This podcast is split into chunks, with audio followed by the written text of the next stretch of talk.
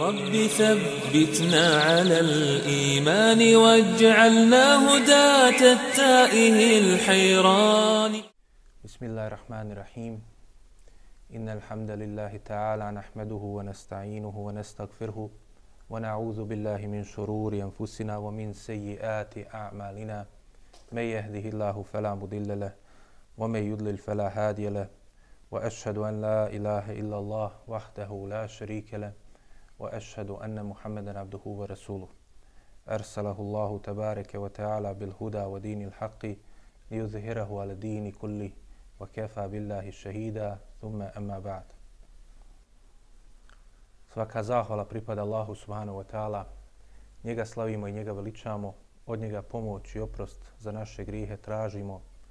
Neka je salavat i selam na njegovog posljednjeg poslanika, njegovog odabranika i miljenika, našeg predvodnika Muhameda sallallahu alihi wasallam, njegovu časnu porodcu, sve njegove plemenite ashabe, kao i one koji slijede njihov put do sudnjega dana.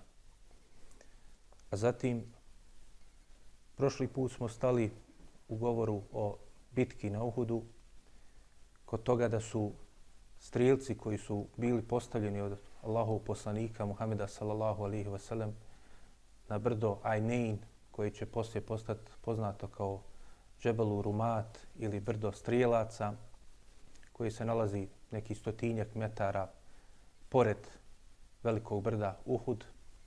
I kao što smo objasnili, da je bitka se odvijela dakle, između tog malog brda i brda Uhud. Tako što su Allahov poslanik i ashabi bili svojim leđima, e, da, iza njihovi leđa je bilo brdo Uhud, a svojim licima su bili okrenuti prema Medini, a naspram njih su stojali, dakle, mušici. Ovi strilci su imali ulogu, kako im je odredio poslanik, sallallahu alaihi ve sellem, 50 strilaca predvođenih Abdullahom ibn Džubeirom, el Ausijem, el Ensarijem, el Bedrijem, koji je, dakle, ih predvodio, jedan od učesnika bitke na Bedru, bio zadužen da ih predvodi. Oni su, dakle, imali ulogu da štite eh, eh, zaleđe vojske muslimana, to jest da spriječe da ne dođu sa leđa mušici muslimanima. I doista oni su tu ulogu i odigrali u prvom dijelu bitke. Kao što smo vidjeli prošli put, prvi dio bitke koja je počela u samu eh, u sami, dakle, nakon izlaska sunca na dan subote, sredinom mjeseca Ševala, treće godine po Hidžri, dakle, u tom prvom dijelu i dana i prvom dijelu bitke muslimani su dobili i pobjedili. A ovi strelci su odigrali upravo ulogu zaštite leđa muslimanske vojske i sprečavali su Halda ibn Velida i konjanike koje je on predvodio, jedinicu konjanika koju je upravo Halid predvodio, koja je tri puta pokušavala da prođe iza ovoga brda i da priđe muslimanima sa leđa. Pa se spominje dakle, da su tri puta ovi strijelci, pošto su imali poziciju takvu kako su imali na brdu, a što opet pokazuje i vještinu Allahov poslanika Muhameda sallallahu alaihi ve sellem i njegovo poznavanje i vojne taktike i strategije, da je vrlo e, dakle, odgovarajući postavio ih na to mjesto tako da su oni sa te pozicije uspjeli dakle, da spriječe da ovi stri, da prođe dakle, ova konjica jer nije mogla da prođe od njihovih strila. Pa je pokušavao Halid ibn Velid sa tim svojim konjanicima tri puta, no međutim e, ovi su isprečavali.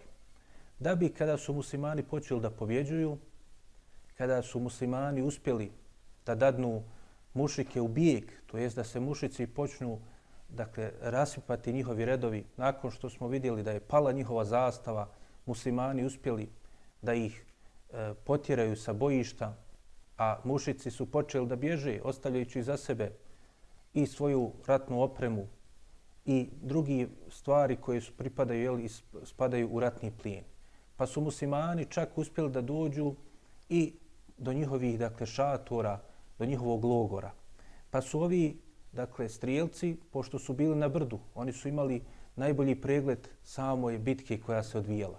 I jako su dobro mogli da vide i vrlo lahko šta se dešava, kako muslimani pobjeđuju, kako, dakle, uspijevaju da dođu do njihovih logora, kako mušici bježe, ono što smo prošli put spominjali, opisivali, kako se spominje da je Zubair ibn Awam i neki drugi ashabi, kaže, videli smo kako su te mušičke žene zadigle svoje dakle, haljine i počele da bježe, a za njima su išli dakle, mušički borci, bježeći jel, sa bojišta. Tako da je izgledalo kao da je bitka gotova. I onda su ovi strijelci posmatrali to i još usto su vidjeli kako muslimani idu, sustižu neke od mušrika, ubijaju neke od njih, a većinom su skupljali dakle, ratni plijen, pošto su mušici jel, skidali sa sebe i svoje oklope koji su vrlo vrijedni u tom vremenu bili, zato što i u osnovi nije puno ni bilo i to je bilo vrlo vrijedno, vrlo vrijedna imovina, kao što znamo i vidjet ćemo poslanih sa Veselem u jednoj prilici čak založio svoj oklop zato što nije imao šta drugo od vrijednosti. Dakle, to je bila vrlo vrijedna imovina koja se jako dobro mogla unovčiti i prodati. Tako da su ovi mušici opet da bi pobjegli sa bojišta lakše da bi uspjeli da se izvuku i spase svoje glave i svoje živote, onda su oni naravno skidali te oklope koji su im bili opterećenje i usporavali ih i onda bacali svoje sablje i svoje kopljad i bježali sa bojišta. Tako da su muslimani skupljali i tu dakle, vojnu opremu, a i nešto od hrane koji su imali ovi mušici. Pa su, dakle, onda ovi strijelci vidjeli kako muslimani skupljaju to. I onda je u skupini, e, skupina od tih strijelaca u jednom momentu povikala ratni plin, ratni plin. Muslimani su pobjedili, šta čekamo i mi? Na to im je Abdullah ibn Đubeir odgovorio, kaže, zar ste zaboravili naredbu Allahov poslanika, sallallahu alihi wasallam? Zar ste zaboravili da je rekao da se ne mičemo s ovog mjesta? U hadisu kod imama Buharije se spominje da je Abdullah ibn Džubeir, kako prenosi Bera ibn Azib radijallahu anhu, a on je bio jelo tih mladića kojima nije dato da učestvuje u bici i koji je ostao sa strane, neke stvari vidio, pa nam posle i prenio, a neke je čuo, pa kaže, Abdullah ibn Džuberin je rekao, kaže, ja se neću pomeći sa ovog svog mjesta, kako mi je naredio Allahov poslanik, Muhammed sallallahu alaihi wasallam. No međutim, ostali ga nisu poslušali, iako je on bio njima nadređen. Iako im je bilo naređeno od poslanika, sallallahu alaihi veselem, da se ne miču, pa čak ako vide da ptice uzele su i komadaju njihova tijela, i s druge strane, ili ako vide Dakle, s jedne strane, ako vide da je totalni poraz muslimana nastupio, sve dok im poslanik, sallallahu alaihi veselem, ne dadne znak, ne smiju se pomaći sa tog mjesta, sa tog brda, a iz druge strane, ako vide da muslimani pobjeđuju, također da se ne miču. Kao što smo spomenuli da je poslanik, sallallahu alaihi sellem izdao tu naredbu.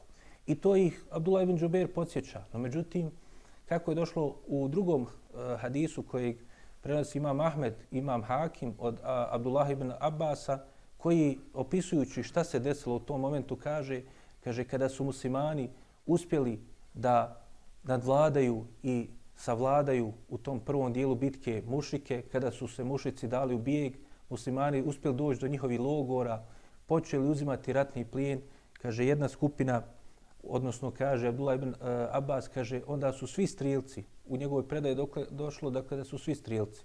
Zato što, jel, kako druge hadisi ukazuju, da gotovo svi su to uradili, osim vrlo malo njih.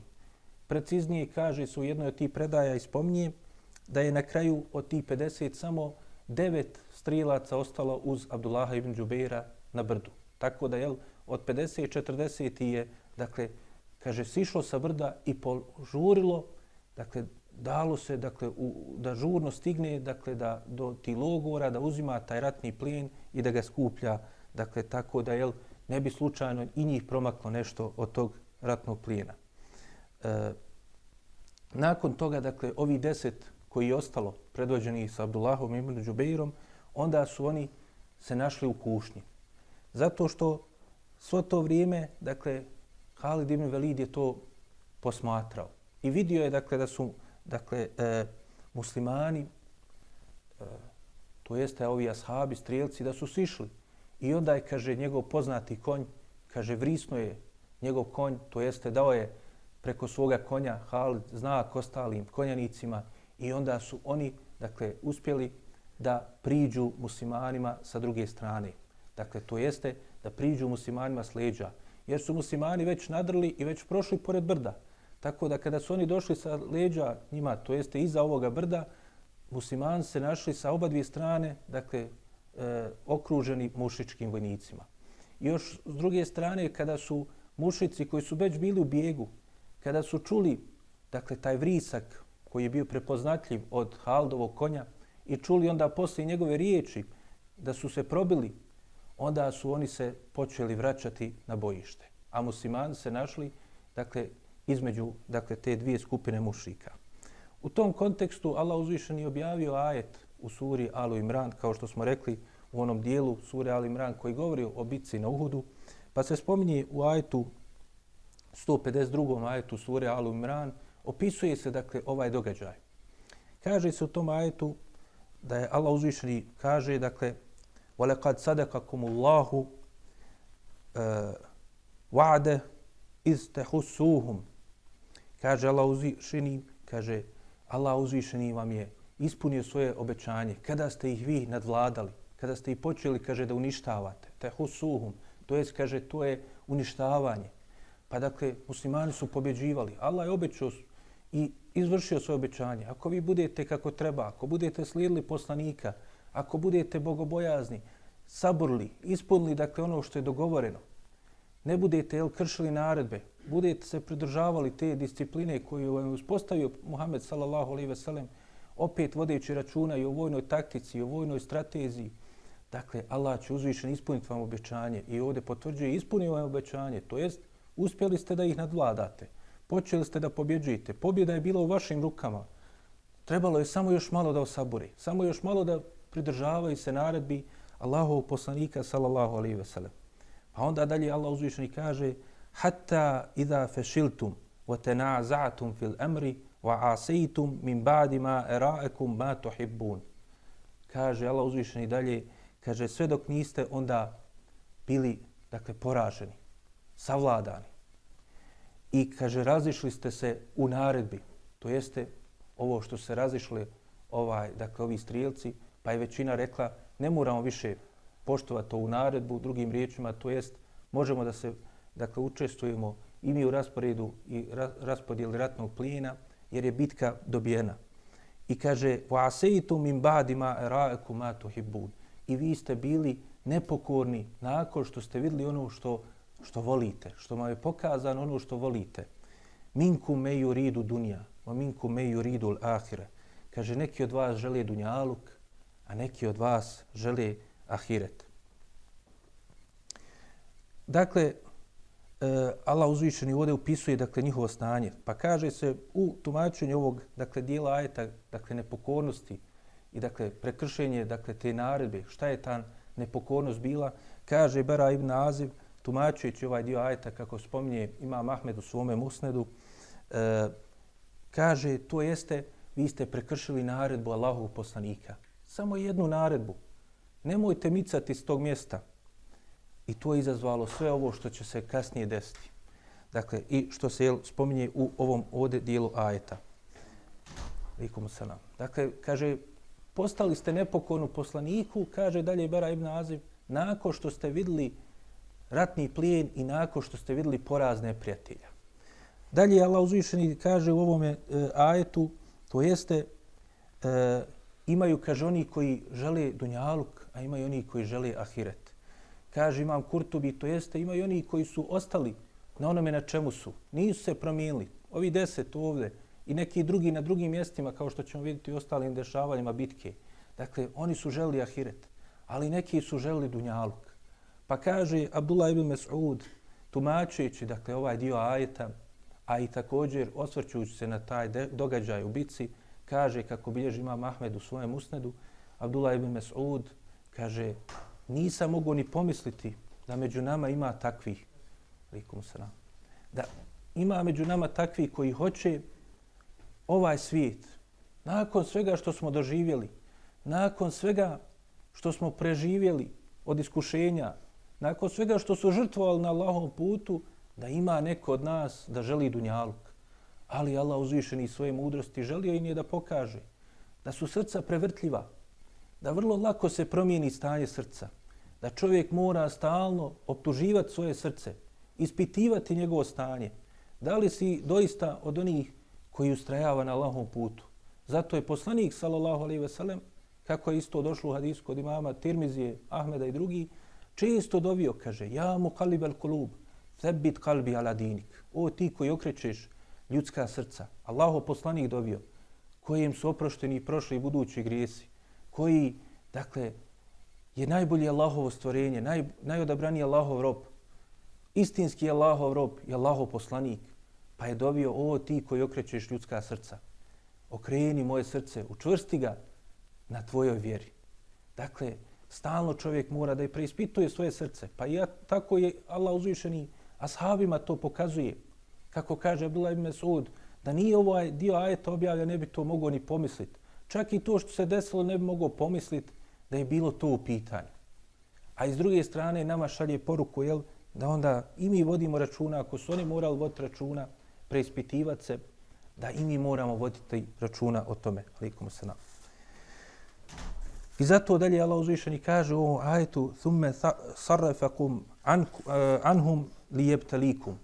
I zato vas je, kaže, okrenuo od njih. To jest, odkrenuo vas je od toga da ste vi krenuli da ih pobjedite, da ste dali se da ih gonite, dakle, sa bojišta.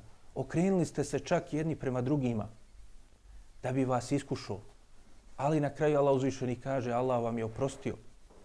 Allah je oprostio sve to zato što su oni, jel, Nisu ustrajali na tome. Uzeli su pouku iz toga.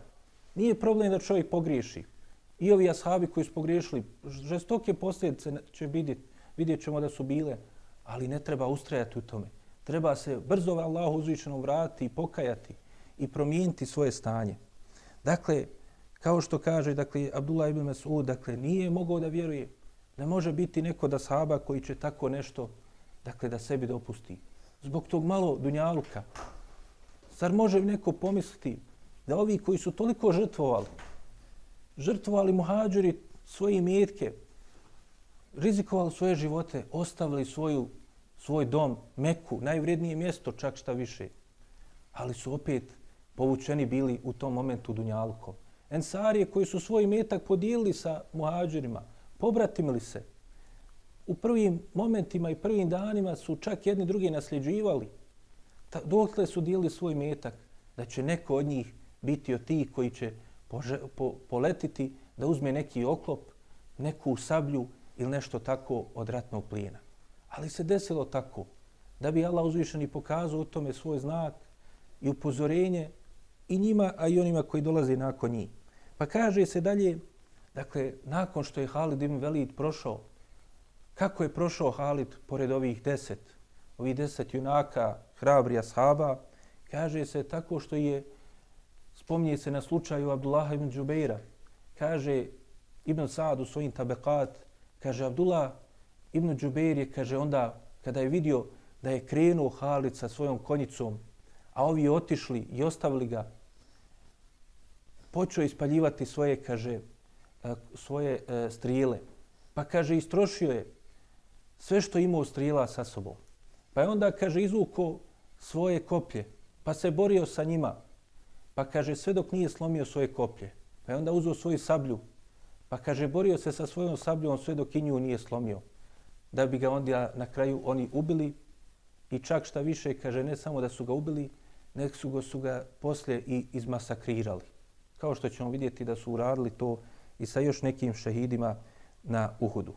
Nakon toga, kaže, jedna žena od mušrikinja, od tih žena koji su bile u bijegu pa se vratile zajedno sa ovim ostalim mušicima koji su bili u bijegu pod imenom e, Amra, čerka Alkame El Harifija, kaže ona je uzela onu, uzela onu zastavu koja je bila pala na poprištu bitke pored Uhuda, uzela i digla dakle, tu zastavu i onda pozvala mušike da dođu da se okupe. I onda se oni okupili oko te zastave i onda navalili na muslimane da ih napadaju. Muslimani kada su to vidjeli, našli su se u situaciji koju nisu mogli da uošte očekuju. Dakle, potpuno su bili iznenađeni, zaprepašteni, izgubljeni na poprištu bitke. Jer sada odjednom, u jednom momentu se mijenja čitava situacija. Oni su u jednom momentu bili u nadiranju protiv mušika, mušici u bijegu, oni ih gonili, a sada odjednom se nalaze oni ti koji su sa oba dvije strane, dakle u klopci, nalaze se sa, oba, sa svih strana okruženi od mušrika koji ih napadaju. Pa su, dakle, e, se raspali svi oni dogovori koji su bili prethodno postojali. Raspali se safovi muslimana, razjedinili se. Nije više bilo ni discipline koja je postojala. Nije bilo onog uređenog, dakle, taktičkog napadanja koje su imali prije toga. Nego se, dakle, raspali redovi i ashabi su, dakle, našli se u situaciji u kojoj mnogi od njih više nisu znali kako da postupe. Kaže Ajša radijela Anha, kako spominje ima Buhari u svom sahihu, kaže u tom momentu kada se to počelo dešavati, kaže Iblis je povikao na poprištu bitke. Povikao i zagalamio, Allah ga, kaže, prokreo i rekao, o ljudi, kaže, o Allahovi robovi, pazite na svoja leđa.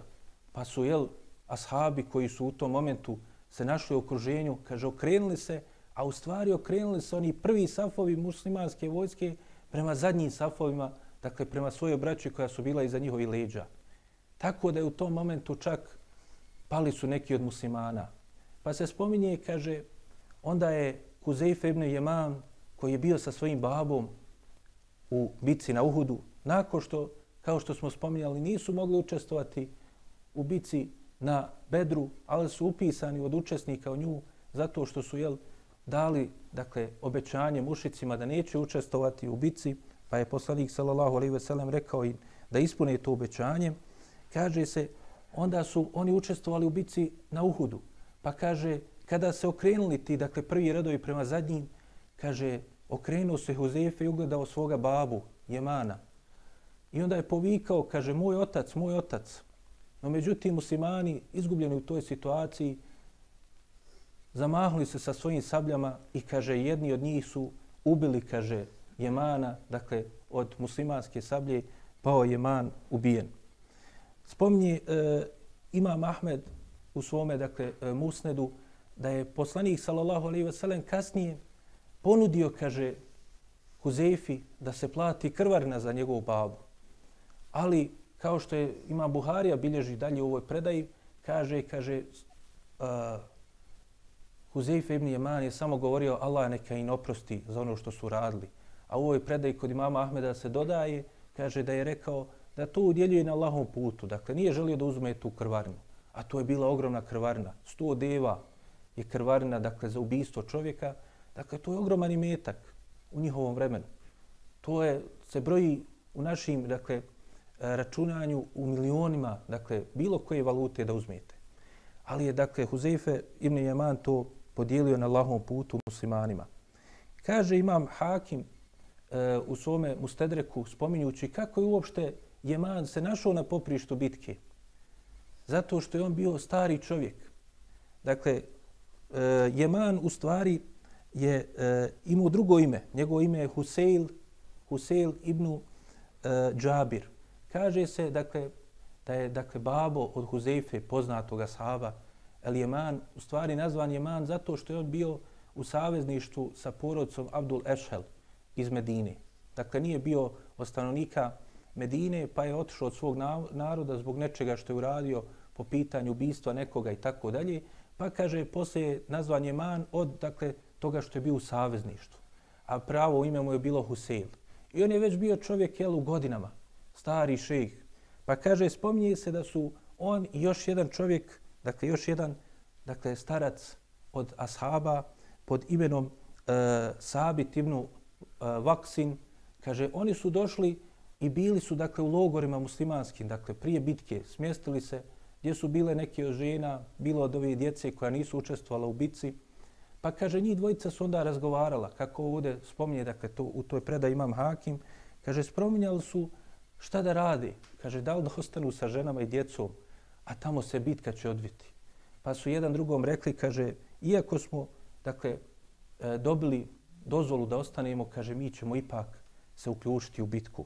Pa kaže, jedan i drugi su, dakle, uključili se u muslimanske redove. Za razliku, jel, od onih, kao je smo spominjali prošli put, munafika koji su, jel, njih 300, koje je Abdullah ibn Ubej ibn Salul uspio nagovoriti da se vrate čak u Medinu. Pa su oba dvojica, kaže, pali kao šehidi u ovoj bici. Jedan je pao, dakle, spominuti Sabit ibn Vaks, je spao, pao kao šehid od ruku mušika, a Jemana su, evo, kao što smo videli, ubili dakle, sami muslimani. Nakon toga, u svim tim dešavanjima, još jedan se deš, veliki slučaj desio u tom teškom situaciji koji još dodatno pot, otežao situaciju. U prvim momentima bitke, jedan od najvećih junaka na poprištu bitke je bio Hamza, Amidžu Allahov poslanika, sin Abdul Mutaliba. On je bio taj koji je nadirao i krčio ispred sebe sve one koji mu izašli pred njim. Spominje imam Buharija riječi Vahšija ibn Harba, radijallahu anhu, koji je ubio Hamzu, kako je poslije prepričavao taj slučaj i šta se sve dešavalo na Uhudu i kako je on pratio Hamzu, pa kaže, kada sam došao na, na bitku na Uhudu, ja sam u stvari bio, kaže, e, rob koji je pripadao Mut'imu, e, Džubeiru ibn Mut'imu, kojem je Amidža ubijen, to Ajme ibn Adi, ubijen na Bedru. Pa je on rekao meni, kaže, ako ubiješ Hamzu koji je ubio mog Amidžu Tuajmu, ja ću te osloboditi. Dakle, to jeste, pustit ću te, niješ biti više moj rob. I ja sam samo zbog toga došao na poprište bitke. Pa kaže, pratio sam Hamzu svo vrijeme. Uzeo sam svoje koplje i pratio ga. Ali nije smio da mu priđe. Kaže, vidio sam kako Hamza krči sve pred sobom. Bio je, kaže, poput oluje. Nije niko izašao pred njih, a da ga on nije sasjekao. U jednom momentu, kaže, izašao je jedan od velikih junaka, Kureševički, čovjek pod imenom Siba ibn Abdul Uzza el-Huzaji i rekao, kaže, ima ko da izađe mi na dvoboj? Pa kaže, izašao je Hamza ibn Abdul Mutalib, radijallahu anhu.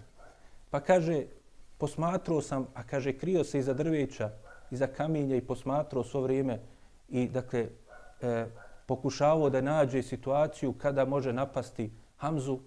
Pa kaže, vidio sam, kaže, kako je kad je zamahnuo svojom sabljom Hamza, ovo velikom junaku, Kurejševićkom, Mušićkom, kaže, vidio sam kako glava pade kao da nije od njegovog tijela. Tako ga je oborio da me, dakle, to jeste da ga je prestrašio, dakle, taj postupak Hamze, radijallahu anhu. Ali kada je bitka se nastavila da se razvija i kada su muslimani se našli u ovoj situaciji u kojoj se našli, u tome svemu, dakle, i u tom metežu koji nastao, onda je priliku iskoristio Vahši ibn Harb. Pa kaže dalje, onda sam slijedio dalje Hamzu i vidio sam u jednom momentu kako je, dakle, ukazala se prilika da ga mogu pogoditi. Pa kaže, zamahnuo sam sa svojim kopljem i probao sam ga. Tako da je koplje, kaže, prošlo kroz njega i on je ostao, dakle, na bode na to koplje. Kaže, Hamza je pokušao, kada me ugledao, pokušao je da je kreni prema meni. Ali nije uspio, nije uspio, dakle, da, e, da se pokreni, zato što je, dakle, tako ga precizno pogodio, a opet kukavički, jer se spominje da ga je sleđa pogodio, tako da kada ga je probao, dakle, pogodio mu je vitalne organe tako da je on ostao na bode na njemu. I kaže, onda sam ga ostavio, dakle, da on nije mu želio uopšte da priđe. Ostavio ga, je jel, da tako umre na bode na to koplje. I onda sam, kaže, ja se vratio u logor mušika i sjeo. Dakle, više nije učestvo u bici. On je svoj zadatak završio. Kupio je svoju slobodu, a poslije će kupiti, jel, i svoje otkupljenje na Allahovom putu, boreći se za to što je uradio Hamzi ibn Abdul Mutalibu. Dakle, kako kaže Hafiz e, ibn Hajar, nadovezujući se u svome komentaru na Buhariju na ovaj događaj, spominje prelijepu korist iz ovoga, kako je vrlo važno dakle, da se vodi obzira i da se bude pažljivo u, kada se jel, dešava neka bitka i borba prema svemu. Dakle, i da se ni, ni na koji način čovjek jel, e, ništa ne, na neki način jel, da smatra manje vrijednim ili manje opasnim. Koliko je junaka, kaže, palo zbog toga što su tako postupili. Kaže Hafiz ibn, Abdu, eh, Hafiz ibn Hajar, kaže, teško je vjerovati da dakle, u tim svim dešavanjima i svom to vremenu koje je proveo Vahši pokušavajući da ga nađe priliku da ga napadne, da ga Hamza nije vidio svojim očima. Jer nije to dakle, bila neka šuma, to je bio plato koji nije imao puno drveća ili kamenja da se ovaj sakrije. I primijetio je on sigurno, kaže njega, da ga prati. Ali, dakle, pošto ga nije smatrao sebi dostojnim, Hamza kaže, on nije obraćao pažu na njega. Dakle, ni podaštavo je, dakle, njegovu opasnost i na kraju je, dakle, toga koštalo što ga je ovaj na kraju, jel, e, ubio. Nije očekivao da će, jel, se slučajno to desiti od njega, zato što je očekivao da će neko doći u borbi prsa u, u prsa da ga napadne i da ga eventualno savlada. A ova je, dakle, Vahši u tom momentu postupio, dakle, samo, jel, da kažemo, atentatorski, samo da bi, jel, se riješio i ubio, dakle, eh, Hamzu ibn Abdul Mutaliba. Kaže se, što se tiče koliko je godina imao eh, Hamza ibn Abdul Mutalib, kao što smo spominjali još na početku, on je bio brat po mlijeku Allahovog poslanika Muhameda sallallahu alaihi wa sallam i još jednog ashaba pod imenom Ebu Saleme, Ebu Saleme koji je također bio brat po mlijeku, dakle njih trojica, još jedan od prvih ashaba Allahov poslanika, sallallahu alaihi wa sallam, o kojem će posebno biti govore nakon bitke na Uhudu, kada će on ubrzo nakon nje i preseliti i e, dakle vidjet ćemo šta će biti sa njim, a posebno sa njegovom e, dakle, suprugom Umu Seleme koja će poslije postati majka vjernika, supruga Allahov poslanika, sallallahu alaihi ve sellem. Dakle, njih sve, troje, sve trojica je zadojila Suvejba. Pa kaže, oni su, dakle, bili djeca kada su jel zajedno dojili. A kada po, uzmemo godine koliko imao tada poslanik, sallallahu alaihi ve sellem. Dakle, ako imao dakle, e, 40 kada mu je došla objava, 13 godina u Medini, ovo je, dakle, treća godina, dakle, dođemo do toga da je poslanik, sallallahu alejhi ve sellem, u ovom momentu imao 56 godina. Pa kažu, dakle, u svakom slučaju, Dakle, ne, e, neminovno je da je Hamza ibn Abdul Mutalib imao više od 50 godina. Ne zna se tačno kada je rođen, ali dakle bio je blizu poslanika sallallahu alejhi ve sellem po godinama, pa tako je između nekih 50 do 56 godina je imao i Hamza ibn Abdul Mutalib, a vidimo jel, koliki je bio junak i prvak e, i zato jest i nazvan lav Islama e, radijallahu anhu. Nakon toga pravo je još jedan veliki ashab Allahov poslanika, sallallahu alaihi ve sellem. A to je Musab ibn Umeir. Kao što smo spomenuli, on je bio taj koji je nosio zastavu muslimana. I on je nosio zastavu Allahov poslanika, sallallahu alaihi ve sellem. Pa dakle, on je bio tu u blizu poslanika, sallallahu alaihi ve sellem. I kada je ovaj metež nastao, onda je jedan od mušrika, kojem je ime e, Ibnu Qaime, kaže, e, on je njemu prišao ovaj, e, dakle, mušu, mušrik Ibnu Kamije, Ibnu Kamije, kaže, prišao je, dakle, Musabu Ibnu Umeru, a pomiješao ga je sa Allahovim i poslanikom, sallallahu alaihi veselem. Zato što je on ličio na poslanika, sallallahu alaihi veselem, i po, dao se u borbu sa njim. I na kraju ga je uspio da savlada i kaže se dalje, pa kaže, uspio je da osjeće desnu ruku koju je držao zastavu Musa ibn Umeir, koji je također je jedan od tih prvih muslimana, i prvi koji su odazvali Allahom poslaniku sallallahu alejhi ve sellem i kao što smo videli jedan od onih koji su prvi pozivali stanovnike Medine i koji je prvi došao e, dakle učinio hidžru i pozivao stanovnike Medine u islam.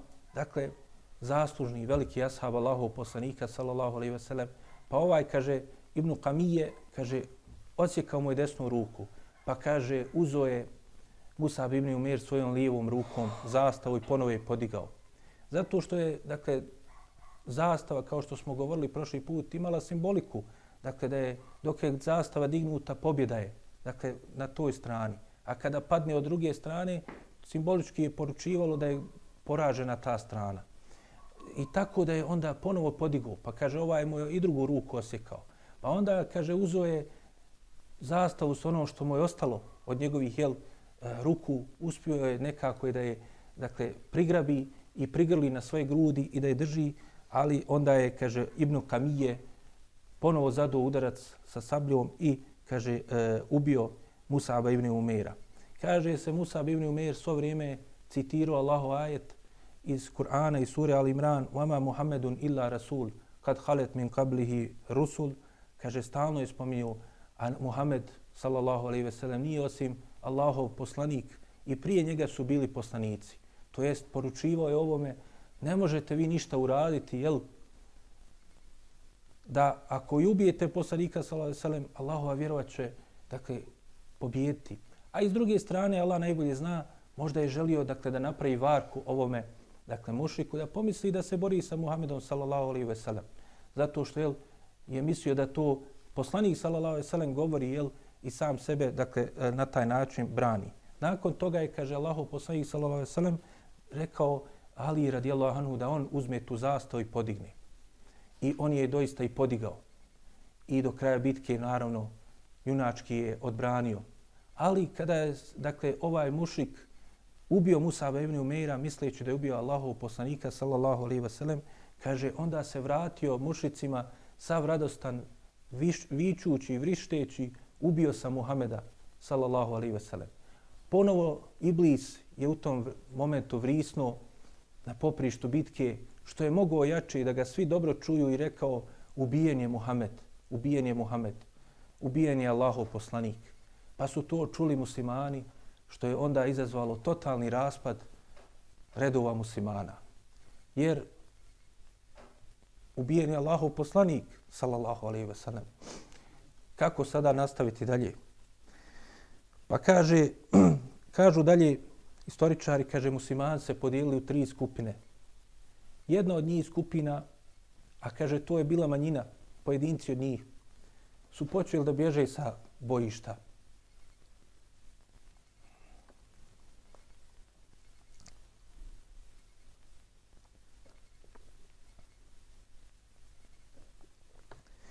Počeli su da bježe, neki su bježali na Uhud, neki su bježali prema Medini. Bježali su na Uhud prema izvoru Mihras koji se nalazio na Uhudu i kaže jednostavno su izgubili, izgubili se u svemu tome. Nisu uopšte više mogli da razmišljaju, nego su se dali u bijeg, bacili su svoje oružje i napustili su, dakle, poprište bitke. Nisu to bili tek tako neki ljudi, Spominje se da u toj skupini oni koji su tako postupili bio Osman ibn Affan radijallahu anhu, Haris ibn Hatib, Sawad ibn Azije, Sad i Ukbe, sinovi Osmana, Ensarije, Rifa ibn Mualla, Haridža ibn Amr, Aus ibn Qajzi. Kaže se povedom nije Allah uzvišen je objavio 150. 155. ajet sure Al-Imran u kojem se kaže Inna ladhina tavallavu minkum يوم التقى الجمعان إنما استزلهم الشيطان ببعد ما كسبوا ولقد عفى الله عنهم إن الله غفور رحيم غفور حليم Allah uzvišen je objavio ajet u kojem kaže, kaže, oni od vas, doista oni od vas koji su, kaže, posustali i ustuknuli na dan kada su se dvije vojske sukobile, kaže, nije, kaže, šetan e, naveo da posrnu i to zbog toga što su jel nešto od onoga zbog onoga što su oni uradili prethodno. Ali Allah uzvišeni nije oprostio. Allah je doista doista kaže Allah doista prašta i on je blag i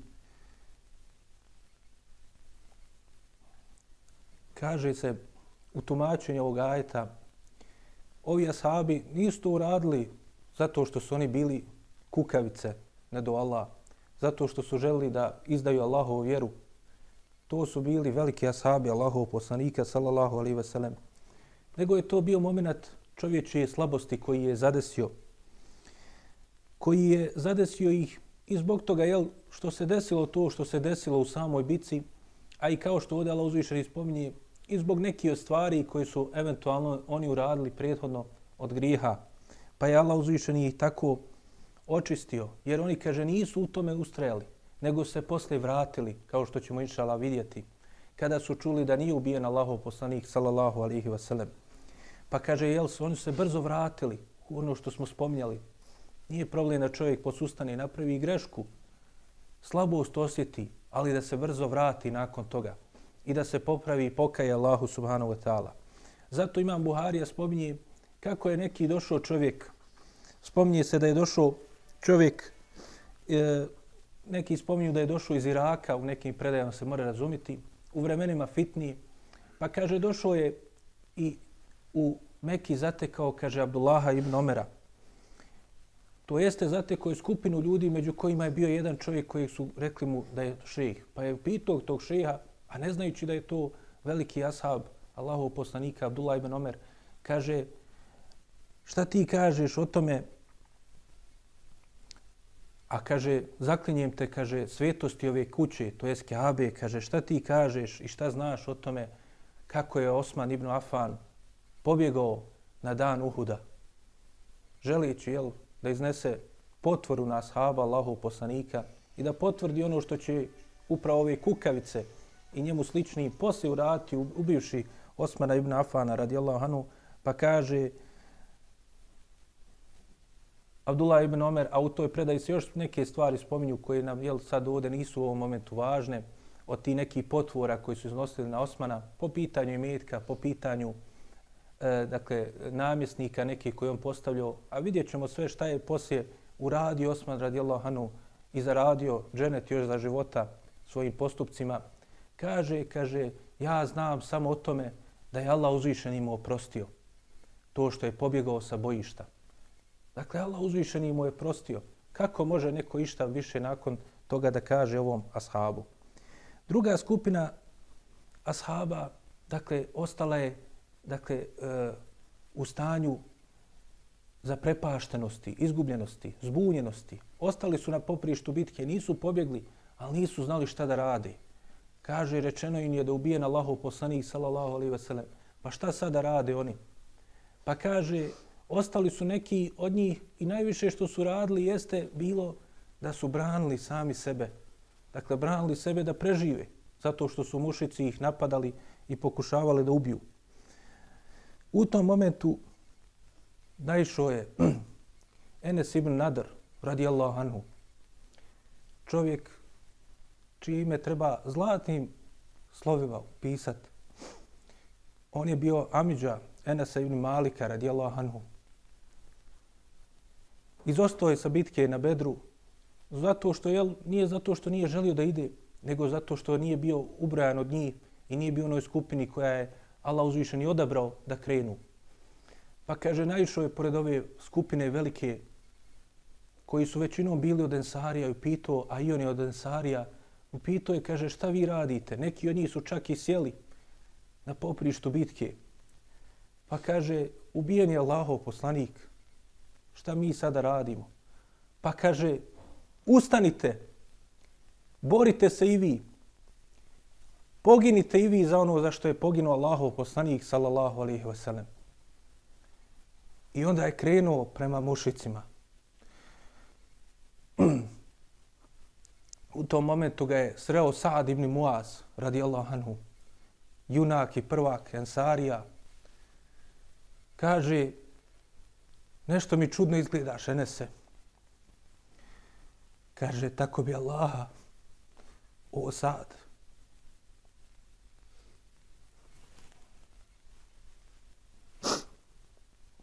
Tako mi Allaha ovo sad osjetim, kaže, miris dženeta. Osjetim podno uhuda miris dženeta. Kod imama Buharije i imama muslima je došlo u drugoj predaji, kaže, o sad, kada mu je sad rekao o Ebu Amre, a tako mu je bio nadimak, gdje si to krenuo, nešto mi čudno se ponašaš. Kaže, o Sade, tako mi gospodara nadrovog, kaže, mami me, mami me miriš dženeta koji gosjetim podno uhuda. I onda se zadao svom snagom u mušičke redove, rušeći koliko je mogao pred sobom, sve dok nije pao kao šehid na Allahovom putu radi Allahu anhu. Nakon bitke